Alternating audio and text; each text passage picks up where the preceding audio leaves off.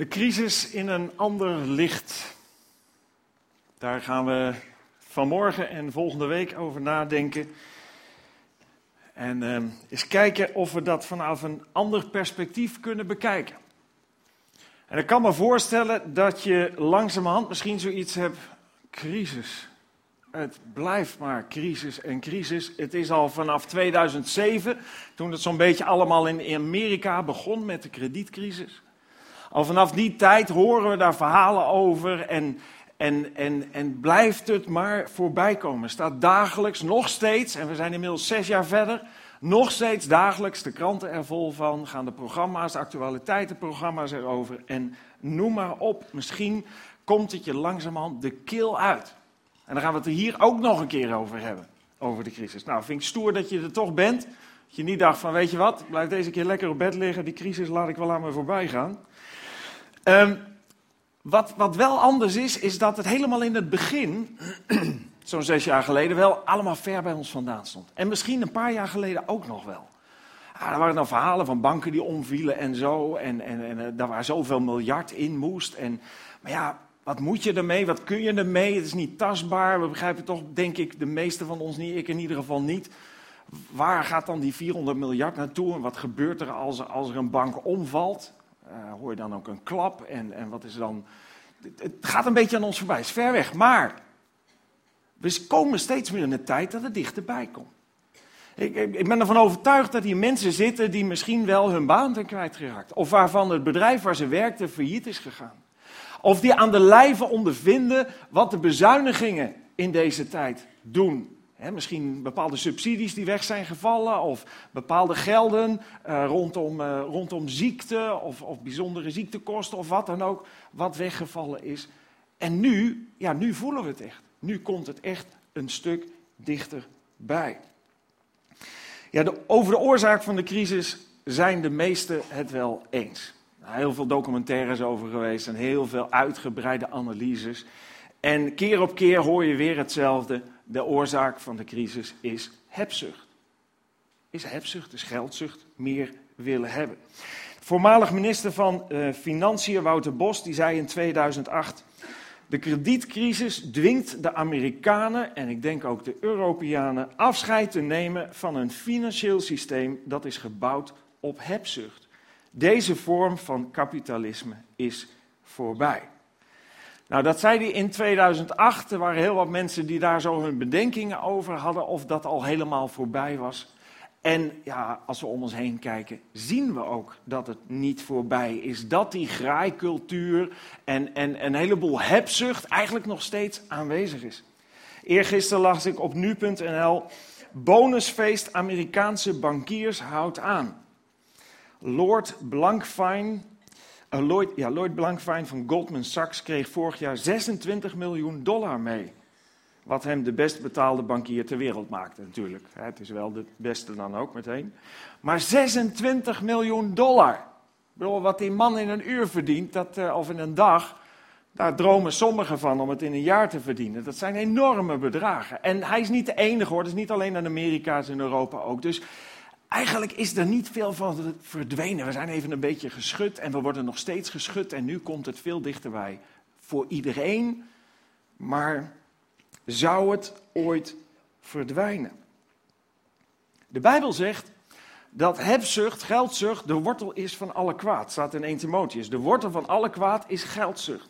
Dus dat niet alleen van deze tijd, dat is niet alleen van deze moderne tijd, dat is al eeuwen zo. Dit is 2000 jaar geleden geschreven. Dus dat is eeuw na eeuw en op verschillende manieren en op verschillende plekken en in verschillende uh, niveaus is dat steeds zichtbaar in het leven van mensen.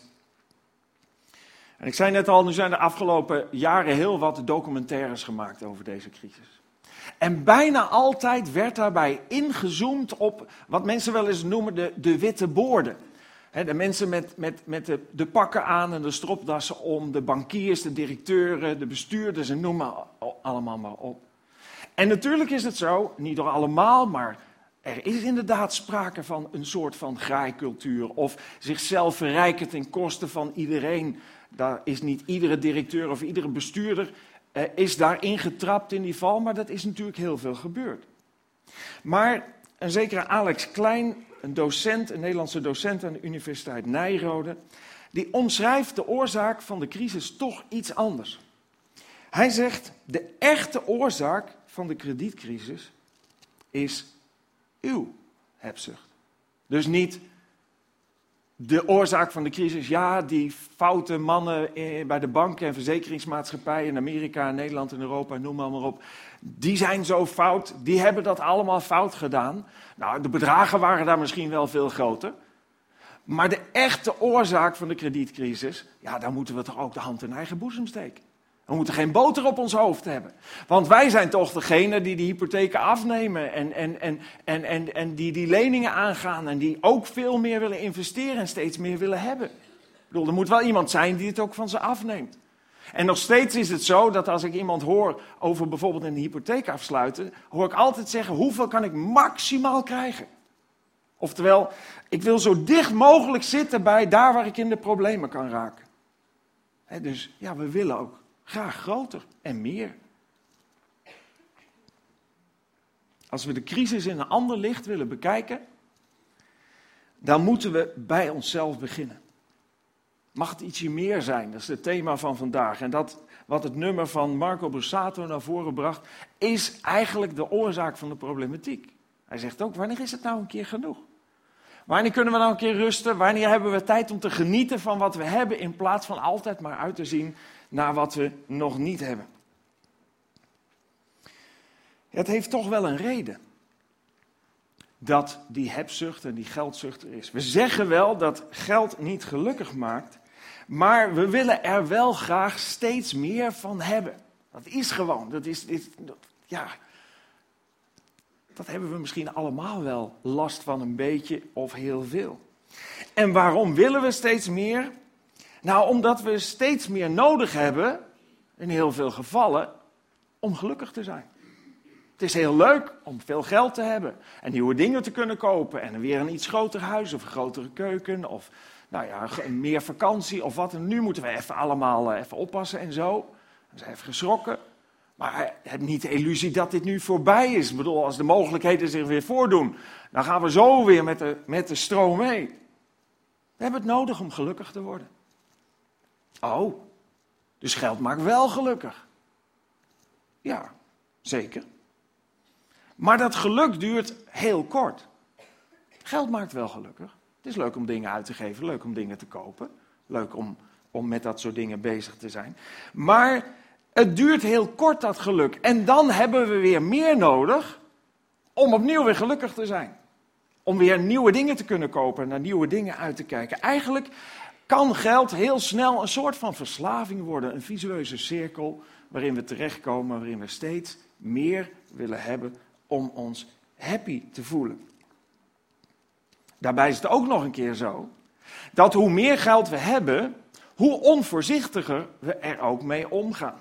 Dat is net als op de camping. Ik weet niet of, of hier kampeerders zijn. Ik doe dat wel ieder jaar met ons gezin. Maar als je ergens veel van hebt, dan ben je onvoorzichtiger mee. Je hebt deze dingen misschien wel eens op een camping zien hangen. Dat is een zakje met water, daar kun je helemaal mee douchen.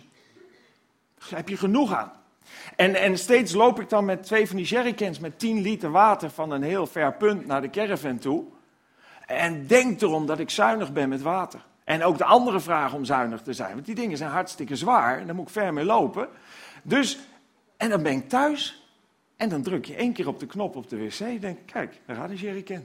Daar heb ik helemaal geen last van. En de douche, die zet ik eerst aan om warm te worden. Dan ga ik me eerst uitkleden en zo en voorbereiden en zo. En dan, nou, dan ga je, dat doen jullie allemaal niet, maar ik wel.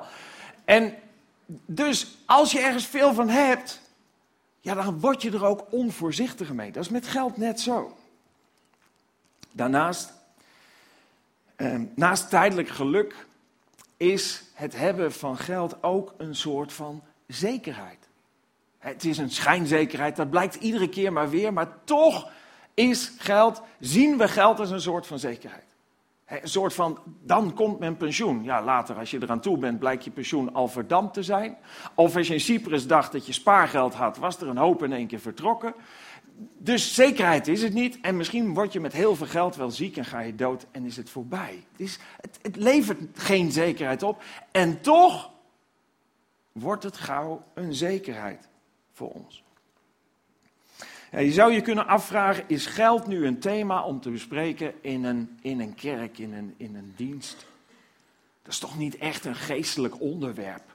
En een heleboel andere echt geestelijke onderwerpen. Kom op, Peter. Je kunt wel wat anders verzinnen dan het hebben over de crisis of over geld. Maar in het Nieuwe Testament, het tweede deel van de Bijbel, staan tien keer zoveel teksten die gaan over geld en financiën, dan teksten die gaan over redding en geloof. Wat toch wel hele belangrijke onderwerpen zijn.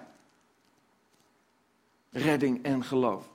215 teksten gaan over geloof, 218 teksten gaan over redding en 2048 teksten hebben betrekking op geld en financiën. Ik heb gisteren nageteld. Nee, dat is niet waar. Dat is niet waar. Nee, ik heb het gelezen, maar ik ga ervan uit dat ze het goed hebben. Dat ze het goed hebben nageteld. Mensen zijn daar soms in bezig, aan uitpluizen, waar gaat alles over? 2048, tien keer zoveel teksten gaan over geld, over financiën en omgang daarmee. Dus dat moet wel een belangrijk onderwerp zijn. En daarom ook zeer de moeite waard om over na te denken. Om bij stil te staan. Waarom staat er in de Bijbel zoveel over geld? Omdat geld, of je er nou veel van hebt of weinig, dat maakt eigenlijk niet uit. Maar geld, wanneer dat een zekerheid voor je wordt, wanneer dat een geluksfactor wordt in je leven, is dat hetgene wat komt te staan tussen jou en dat wat je echt gelukkig kan maken? Je zoekt het om geluk te krijgen. Je zoekt het om zekerheid te krijgen. Maar het komt juist daartussen te staan waar de echte zekerheid en je echte geluk ligt. En dat dat zo is, wordt wel duidelijk in het volgende verhaal. Verhaal wat je misschien wel eens hebt gelezen. Misschien heb je de Bijbel nog nooit gelezen. Het is een verhaal wat een, gebeurtenis die plaatsvond, een gesprek tussen Jezus, de drie jaren dat hij op aarde liep, op aarde een bediening had, en, ehm, en, en, en een jonge man, een jonge Joodse man. En dan staat het volgende.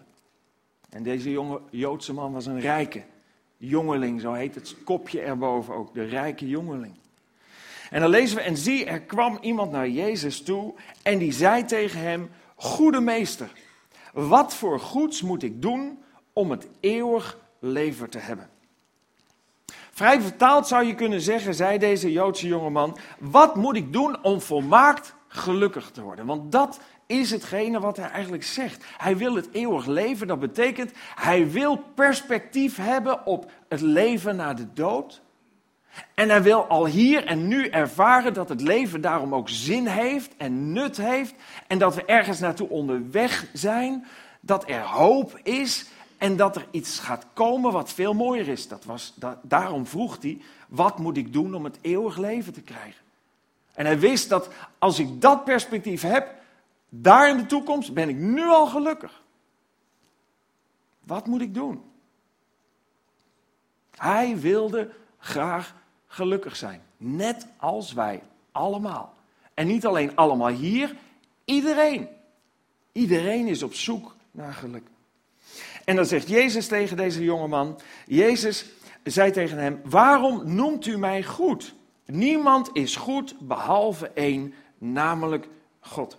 Voordat Jezus ingaat op zijn vraag, zegt hij: Ik wil eerst even één ding rechtzetten.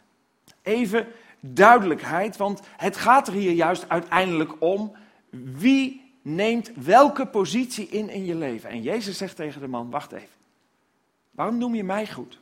Er is één goed en dat is God. Ik ben de zoon van God. Hij is goed.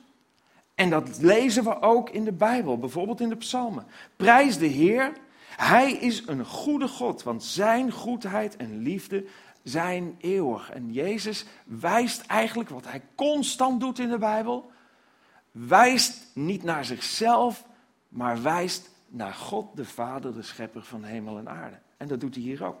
Hij roept als het ware, hij corrigeert als het ware deze jonge man. En dan pas gaat hij die vraag beantwoorden. En dan lezen we, maar wilt u tot het leven ingaan? Oftewel, wil je werkelijk leven? Wil je werkelijk dat gaan ervaren waar je zo naar op zoek bent, neem dan de geboden in acht. Daar begint hij mee. Hij zei tegen hem, welke?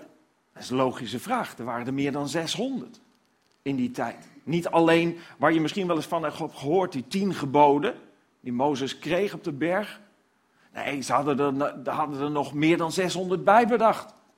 En aan toegevoegd en uitgebreid. Het is logisch dat hij zegt, welke, welke, bedoel, welke bedoelt u?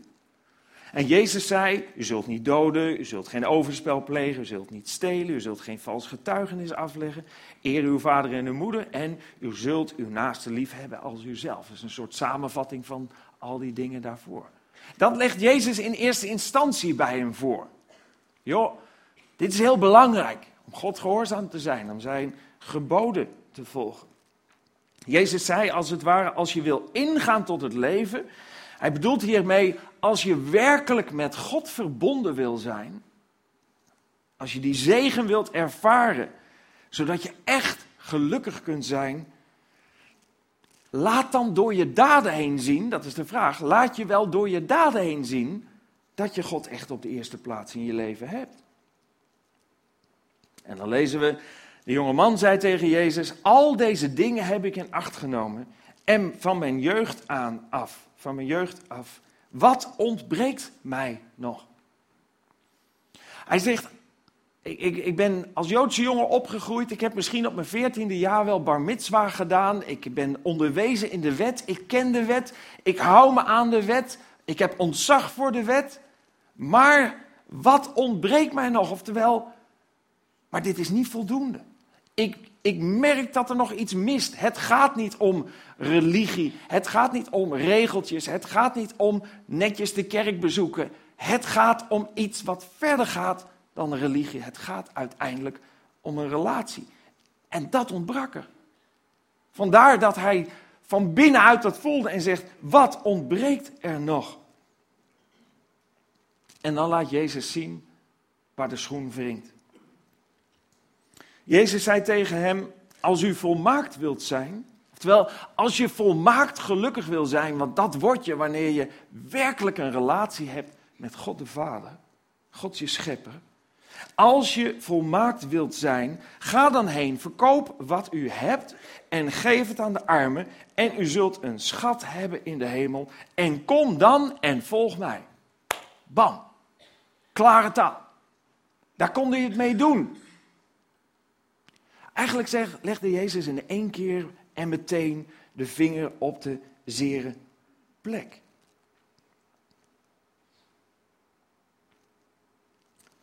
De man had gevraagd, wat ontbreekt er? Nou, wat er ontbrak bij hem was de keuze om God op de eerste plaats in zijn leven te zetten. Hij had wetten, hij had van allerlei andere dingen die hem eigenlijk bij God vandaan hielden. Ga dan heen, verkoop alles, geef het aan de armen. Jezus zei niet, geef het aan mij. Dat zou misschien verdacht hebben gemaakt in dit verhaal. Geef het aan mij en volg mij. Steun me in mijn bediening en kom achter me aan. Nee, God, Jezus had zijn geld helemaal niet nodig. Net zoals Jezus en God ons geld niet nodig heeft. Daar gaat het niet om. Dat was helemaal niet het issue. Daarom zei Jezus ook, geef je geld aan de armen. Had een heleboel geld. Geef het aan de armen en volg mij. Wat Jezus ook niet zei, is dat geld slecht is. Dat zei hij niet. Dat je zou makkelijk door zo'n verhaal op een verkeerde been kunnen worden gezet. En gezegd, nou, Jezus was erg kritisch over mensen die geld hebben. Nee, dat is helemaal niet waar. Helemaal niet waar. Het ging niet om het hebben van geld, het ging om geldzucht. Het ging erom welke plek neemt dat geld in je leven in. In de Bijbel vind je heel wat verhalen van mensen die door God ook in financieel opzicht zo gezegend waren dat ze in deze tijd zeker op de quote 500 zouden staan. En bij de eerste tien. Als je denkt aan Salomo en David, beide koningen, aan Job, aan Abraham, aan Isaac, aan Jacob. En het staat ook gewoon in de Bijbel. Een prediker staat. En natuurlijk is het ook goed als een mens rijkdom heeft gekregen van God. En bovendien de gezondheid bezit om ervan te kunnen genieten. Ja, dat is ook fijn. Dat je dat dan wel hebt. Maar er is niks mis met rijkdom, niks mis met geld.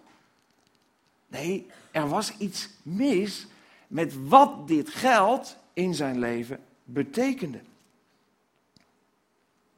Zijn bezit stond tussen God en hem in. God had niet de eerste plaats in zijn leven, maar het geld. Geld was zijn zekerheid. Geld was de bron van zijn geluk. Geld was de bron van zijn hoop. En dat blijkt wel uit zijn reactie. Want we lezen, toen de jongeman dit woord gehoord had, ging hij bedroefd heen. Want hij had veel bezittingen. Jezus zei tegen zijn discipelen: Voorwaar, ik zeg u dat een rijke, dat een rijke moeilijk het koninkrijk der hemelen kan binnengaan. Niet omdat hij rijk is, maar omdat een bijproduct van die rijkdom en ook onze rijkdom ervoor kan zorgen dat dat onze veiligheid wordt, dat dat is waar we op vertrouwen in plaats van op God. Voor mij was rijkdom lange tijd het doel in mijn leven. Echt. Toen ik, toen ik van, van school afkwam, toen ben ik een eigen bedrijf gestart en ik had maar één doel. Ik wil voor mijn 35ste binnen zijn. En dan wil ik ervan gaan genieten. Even stevig doorklussen, even hard werken en dan schaapjes aan wal en genieten. En, maar alleen ik merkte dat hoe, hoeveel ik ook verdiende, toen ik de eerste 10.000 gulden had verdiend, toen wilde ik 20. En toen ik er 20 had verdiend, wilde ik 50. En toen ik 50 had verdiend, wilde ik 100.000. En, en daarbij, omdat ik meer kreeg, kon ik ook meer uitgeven. Dus ik gaf ook veel meer uit en had ook veel meer. En al die dingen die ik had, moest ik ook onderhouden. En dan moest ik naar omzien en ik kreeg nog meer. En ik werd er helemaal niet gelukkig van. Absoluut niet gelukkig van. Ik kan niet zeggen dat ik doodongelukkig was, maar net als deze rijke jongeling, zoiets, wat mis ik? Ik mis iets. Dit is het niet. Dit is het niet. De Bijbel staat, wie rijk wil worden, staat bloot aan verleiding, raakt in een valstrik en valt ten prooi aan dwaze en schadelijke begeerten die een mens in het verderf storten en ten onder doen gaan. En deels heb ik dat aan de lijve ondervonden. Wat je dan gaat doen wat je daarmee uithaalt. Maar gelukkig ben ik er niet aan ten onder gegaan. God dank heb ik vroegtijdig mogen ervaren hoe bevrijdend het is wanneer geld niet langer je doel, je zekerheid um, en, en, en je vreugde en je geluk bepaalt. Eindelijk kon ik dat op een gegeven moment achter me laten. En daarvoor heb ik wel ook zo'n rijke jonge, uh, jongelinghobbel moeten nemen. Want A, ik was nog jong en B, ik had behoorlijk geld. Maar ik moest nog wel die hobbel nemen. Want ik, ik kwam op een gegeven moment tot geloof. Ik heb het wel eens verteld in de dienst. Dat was in Turkije. En uh, ik was daar mee als geluidstechnicus. Mee met een reis van de evangelische omroep. En uh, ik werd geraakt. Het, op een gegeven moment kwam het zo onmiskenbaar binnen dat God echt bestaat en dat God van me houdt en een doel heeft voor mijn leven. En ik zag, wat ik zag bij, dat was een reis met twaalf jongeren, televisieopname, en wat ik zag bij die jongeren die op zo'n manier met God omgingen, daar was ik zo jaloers op. En dat geluk en die zekerheid die ze eruit haalden, terwijl alles in mijn ogen onzeker was in hun leven. Ze wisten eigenlijk niks zeker. Ik wist veel meer zeker voor mijn gevoel. En toch waren zij gelukkiger met hun onzekerheid dan ik was met mijn schijnzekerheid. En dat raakte me. En dat maakte dat ik uiteindelijk ook zei: Ik wil dat ook. Ik verlang daar ook naar. Ik wil ook dat geluk ervaren in mijn leven. Maar toen moest ik nog wel een hobbel nemen. Net zo'n hobbel. Want toen ik thuis kwam, toen kwam het er uiteindelijk op aan. Wat ga ik nu dan doen? En, en ik moest een paar dingen doen die het voortbestaan van mijn bedrijf in ieder geval op het spel zetten. Ik had een hoop zwart geld in buitenland, in Luxemburg op een rekening staan. En ik wist heel goed en begreep heel goed uiteindelijk dat ik niet kon verder gaan met de manier waarop ik bezig was. En ik moest het in het licht brengen, ik moest het naar boven brengen, ik moest het zichtbaar maken. Met alle risico's van dien. Maar oh, wat ben ik blij dat ik dat heb gedaan. En niet, oh, wat ben ik goed dat ik dat heb gedaan. Nee, het is de genade van God dat hij mij riep. En dat hij zijn liefde aan me liet zien. En wat ben ik blij dat geld niet meer op geen enkele wijze een zekerheid is of mijn geluk bepaalt. Tuurlijk, we hebben allemaal geld nodig. Dat is logisch. Je kunt niet bij de bakker komen en zeggen: Ik wil een brood, maar ik heb geen geld. Dan krijg je hem niet mee. Maar daar gaat het niet om. Het gaat niet om geld. Het gaat niet, zelfs niet, dat zei ik al eerder, over hoeveel geld. Het gaat erom welke rol speelt geld in je leven. En later ben ik ook gaan ontdekken wat een zegen het is om zelfs dingen weg te geven. In de Bijbel lezen we: Denk aan de woorden van de Heer Jezus. Geven maakt gelukkiger dan ontvangen. Dat is nog veel leuker. Dat is nog veel leuker wanneer je met dat wat je is toevertrouwd kunt geven. En het is geen aankondiging van de collecte, maak je geen zorgen. Maar dat is echt gaaf. Dat is echt mooi. Een zekere Hudson Taylor, een Britse zendeling, die 51 jaar in China heeft gewerkt als arts en zendeling, die schreef: Hoe minder ik voor mezelf besteedde en hoe meer ik aan anderen gaf, des te meer mijn ziel vervuld raakte van blijdschap en zegen. En dat is niet te koop.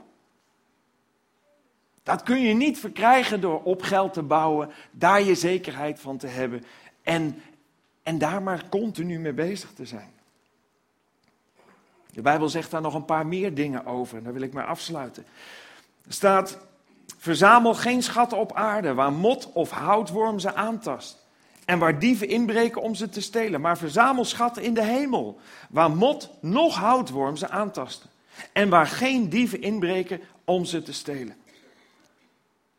Dus verzamel het niet hier, maar verzamel het ergens anders. We weten allemaal, je kunt niets meenemen als je sterft.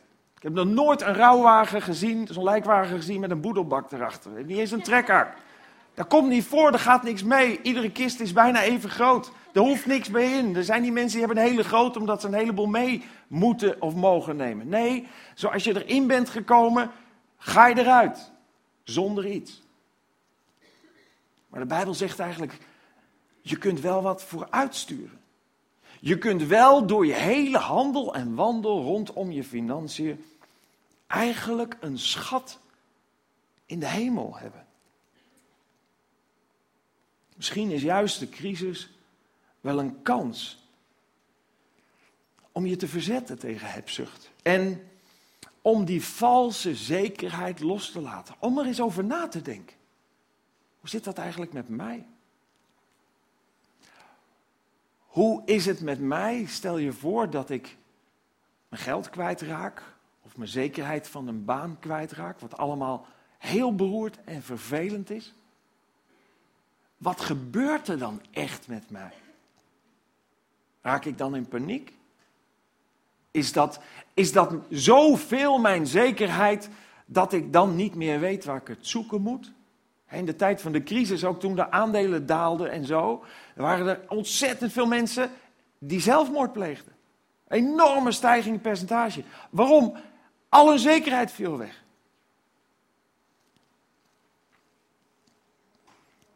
Hebzucht, staat er in de Bijbel, is het dienen van een valse God.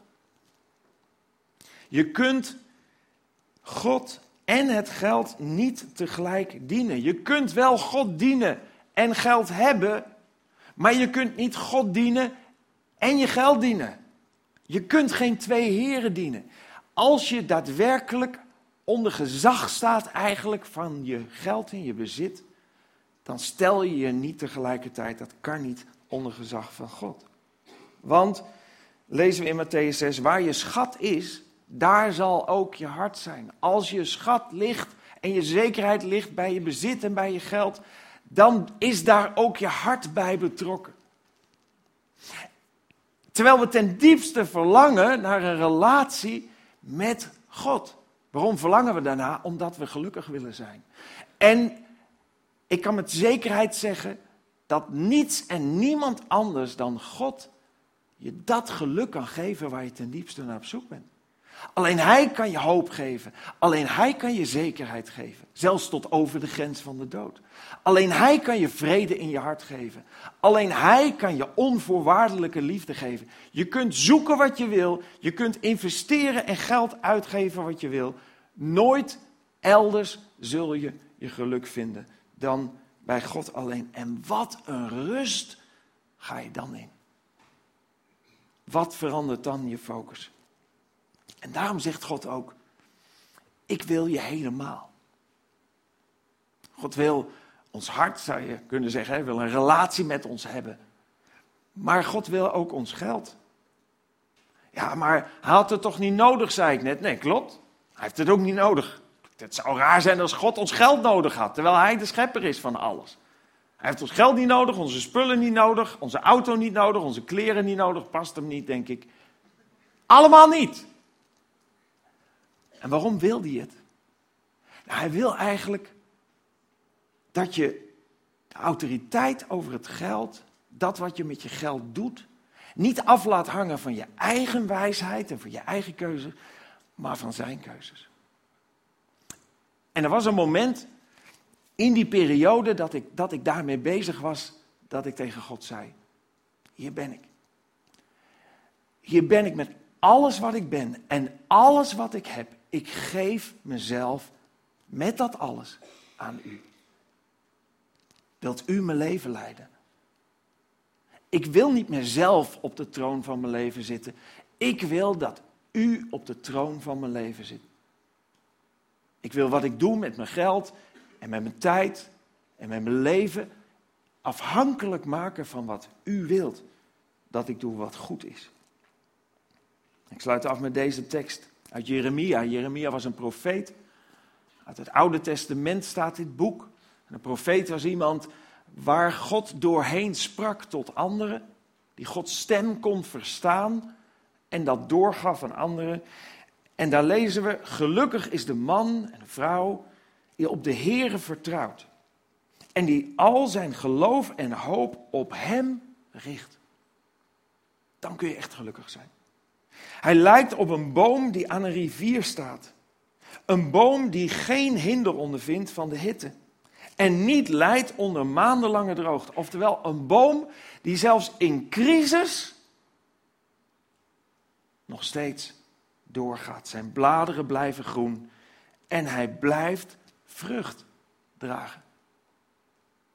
Dat is wat er gebeurt wanneer je je leven overgeeft en zegt: Ik vertrouw op u. Hier ben ik met alles wat ik ben en alles wat ik heb. Ik wil leven voor u. We zullen bidden en danken. Dank u wel, Heere God, dat u ons leven wilt geven. Dank u wel, Heere Jezus, dat u naar deze wereld kwam om dat mogelijk te maken. Heer, omdat er zo'n afstand is ontstaan tussen, tussen uw hemelse Vader en tussen ons mensen door onze zonde. Door het feit dat we door onze houding en keuzes God de rug toe hebben gekeerd. Dank u wel, Heer Jezus, dat u gestorven bent voor onze zonde. Dat u de prijs heeft betaald en dat we daardoor de weg terug mogen vinden. En ik wil u bidden, Heer, dat zoals we hier samen zitten, dat we allemaal die weg terug zullen vinden. Dat we al alles van onszelf willen opgeven om het helemaal aan u te geven. Heer, ik wil u bidden voor mensen die, die misschien hier zitten en al langer gelovig zijn. Ook dan kan nog steeds die dreiging, die verleidingen zijn om, om toch op te schuiven naar de zekerheid van geld en goed, bezit. Heer, help ons om ons echt onvoorwaardelijk aan u te geven. Ons helemaal aan u toe te vertrouwen.